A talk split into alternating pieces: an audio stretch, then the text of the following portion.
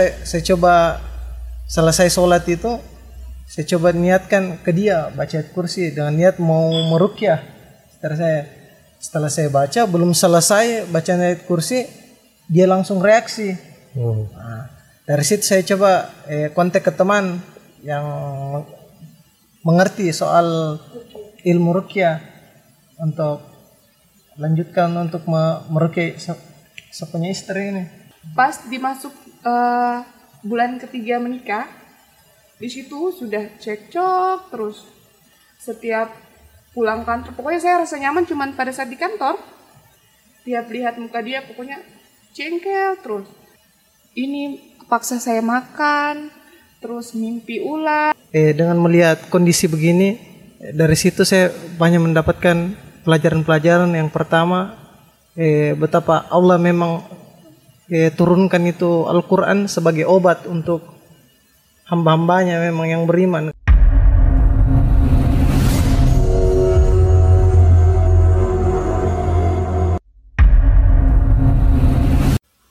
Assalamualaikum warahmatullahi wabarakatuh. Memiliki momongan adalah impian setiap manusia, utamanya suami istri. Ya, pada episode kali ini saya akan mewawancarai sepasang suami istri yang di mana mereka merasakan keganjilan di dalam rumah tangga mereka pasca menikah.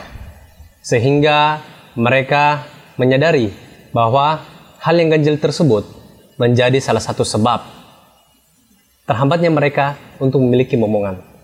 Nah, mau tahu kisahnya bagaimana? Baik, saya akan langsung saja memanggil mereka. Ahyuda dan Ukti Citra. Assalamualaikum, Ahyuda. Waalaikumsalam warahmatullahi Gimana kabar? Alhamdulillah baik ini Bu. Alhamdulillah. Ya, terima kasih sekali ya karena Ahyuda dan keluarga sudah bersedia untuk hadir pada acara kita di Kisah Inspiratif ya di channel Dananya. Ya. Bisa tolong diceritakan bagi cerita ke teman-teman ya. Bagaimana kisah antum eh, ketika antum diuji oleh Allah belum memiliki momongan disebabkan sesuatu yang lain. Bismillahirrahmanirrahim. Sebelumnya saya mengucapkan alhamdulillah eh karena saya juga sudah punya momongan. sudah ada anak kecilong ini. Masya Allah, barakallahu fiik. Eh, tapi sebelum kami dapat momongan yang ini, kami diuji oleh Allah Cobaan dengan cobaan yang luar biasa. Dan Coba se- seperti apa itu? cobaannya itu pada saat pertama menikah itu kami dapat eh, kayak setiap masalah sepele pasti masalah itu bertengkar dan bertengkarnya itu bukan bertengkar yang biasa Berteng- bertengkarnya itu bertengkar hebat Mhm. Seperti misalnya sudah saling tidak saling menghargai kayak begitu bertengkarnya padahal maksudnya kalau dibilang istri saya kalau karakternya tidak seperti begitu aslinya. Dan setelah itu saya kan pasti ra- eh, rasa janggal sama oh kenapa istri saya bisa begini? Kok seperti bukan hmm, dia ya? seperti bukan. Nah setelah itu saya coba eh, cari cari tahu nonton nonton di YouTube tentang eh, rukyah setelah itu dari situ saya dapatkan maksudnya eh, cara rukyah rukyah mandiri. Dan salah satunya saya coba praktek ke istri saya. Uh, saya saya menyuruh dia untuk ya, seperti membaca ayat kursi setelah sholat. Dan setelah saya suruh dia membaca ayat kursi di- dia dari situ dia bi- biasa kalau saya tanya sudah baca ayat kursinya dia bilang sudah. Dan setelah itu tapi gangguan itu masih dia dia tetap masih ber- eh, sering marah-marah ndak jelas apalah. Ah, saya coba tanya ya, coba baca eh, saya mau dengar eh, kamu baca ayat kursi.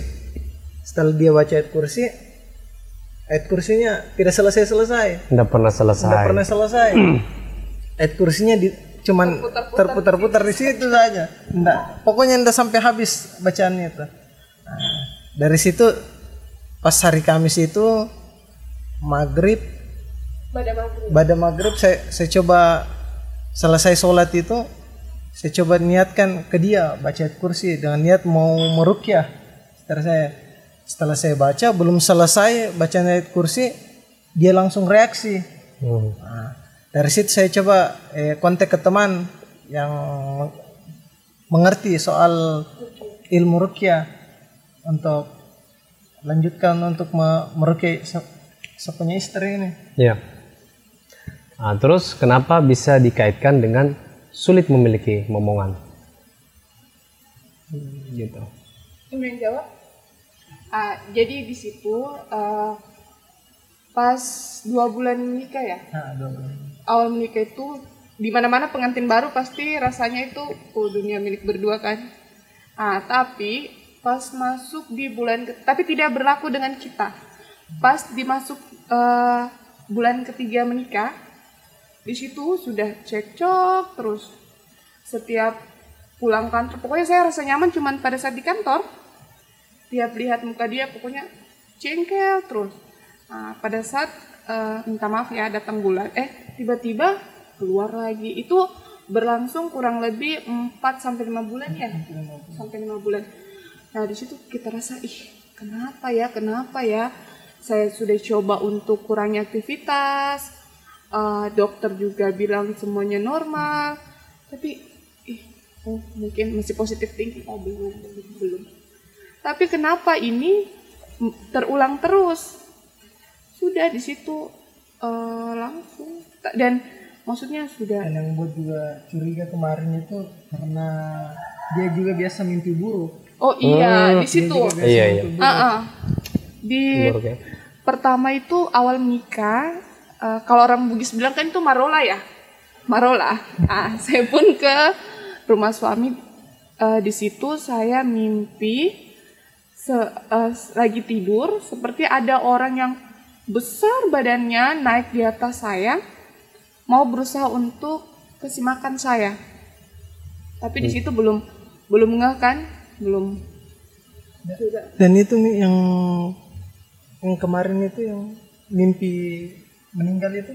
Iya. Terus Pertama, pokoknya mimpi pertama, pertama. pertama menikah itu saya mimpi suami meninggal, mimpi makhluk hidup mau ini paksa saya makan, terus mimpi ular. Intinya semuanya mimpi buruk ya. Iya, mimpi buruk. Dari situ, tapi itu ngehnya nanti pada pada saat ini ya mulai cerita-cerita ke Abi kan. Mulai cerita-cerita terus di Abi coba hubungi temannya yang punya ini ilmu tentang rukiah dan alhamdulillah kita dipertemukan sama dua beliau. Jadi begitu bertemu dengan eh, orang yang merukyah. Ini berapa orang sih yang merukyah? Dua orang. Dua orang. Itu datangnya bersamaan nggak? Iya. Datangnya bersamaan? ah. Oh gitu. Ah, terus apa yang terjadi ketika dia bertemu Rukiah dengan pertama itu di rumah mama di kan maksudnya ini kan dua dua tempat rukiah kan Oh dua tempat. Ah, ah. Mereka Jadi rukiah pertama itu di rumah mama. Di situ mulai reaksi pas singkat cerita ya, Iya. Mulai bereaksi muntah parah, muntah parah parah. Se- eh, pada saat itu, tapi itu cuman berlangsung setengah hari ya, Kan setengah hari. Nah, cuman dua beliau itu mungkin karena hari pertama kan masih mencari-cari juga kena penyebabnya Eh, diagnosa. mesti, ah, mesti diagnosa bertanya-tanya Nah, karena rukia kedua itu eh rukia pertama itu sudah ini muntah parah tapi langsung baik kan ya di? Ya. Jadi ketika kita bertemu dengan dua orang yang merukyah kita, apa yang terjadi? nah di situ ketika dua beliau itu sudah datang di situ eh, rukia pertama awalnya saya muntah parah kurang lebih setengah hari nah setelah itu itu itu rukia pertama di rumah mama Iya.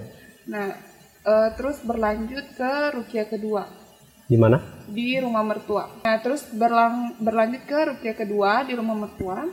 Di situ itu eh, rukia untuk mencari buhul. Dan parahnya ternyata buhulnya itu lewat makanan. Lewat makanan ya. Iya, lewat makanan. setelah itu dua beliau itu memutuskan rukyah itu eh, putus sampai di situ dulu karena masih menci- eh, mencari untuk lanjut ke rukyah ketiga karena kan rukyah kan di ruk- eh, rukyah kedua kan lewat makanan jadi mereka harus juga siapkan untuk ke siapkan bahan-bahan Iya, buat bahan-bahan ini rupiah kan. untuk kan Hmm. uh, detox detox ya. Dengan bahan apa itu kalau boleh tahu? Eh, rukyah ketiga ketiga kita berlanjut ke eh, di ini Detox. de- yang detox, detox yang mereka gunakan madu madu susu kambing. plus susu kambing yang sudah dirukyah sama dua beliau itu Hmm. dan mandi air bidara. Dan di situ rukyah ketiga itu saya pun disuruh puasa. Puasa tidak makan dan tidak minum. Hanya hanya minum eh, susu kambing plus madu. Bisa dibayangkan 3 liter 3 liter. dari jam 7 pagi sampai eh, sebelum azan maghrib ya pas azan maghrib. Pas pada asar itu. Masya Allah. Terus eh, antum selaku suami, sebagai suami melihat eh, istri di rukiah dengan metode seperti itu, apakah ada perasaan keberatan atau khawatir terhadap aduh bagaimana istri ini? Kasihan lihat seperti ini. ya kalau dibilang kasihan ya kasihan ya. Lah Bu. karena itu kondisi begitu siapa sih suami yang tega lihat istrinya Ah, begitu? Tapi maksudnya eh, saya juga mungkin dari situ Allah kasih pelajaran banyak.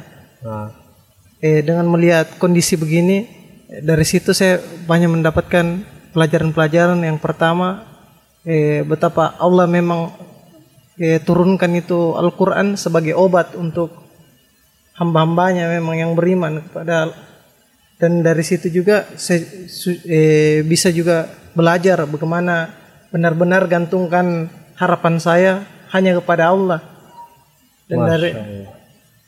dari situ juga eh, alhamdulillah Allah la- eh, berikan langsung eh, ini loh eh, seperti Allah kayak berikan tunjukkan begini ini loh eh, Al-Qur'an betapa luar biasanya yang kalian ser- eh, yang kamu sering abaikan selama ini kamu abaikan.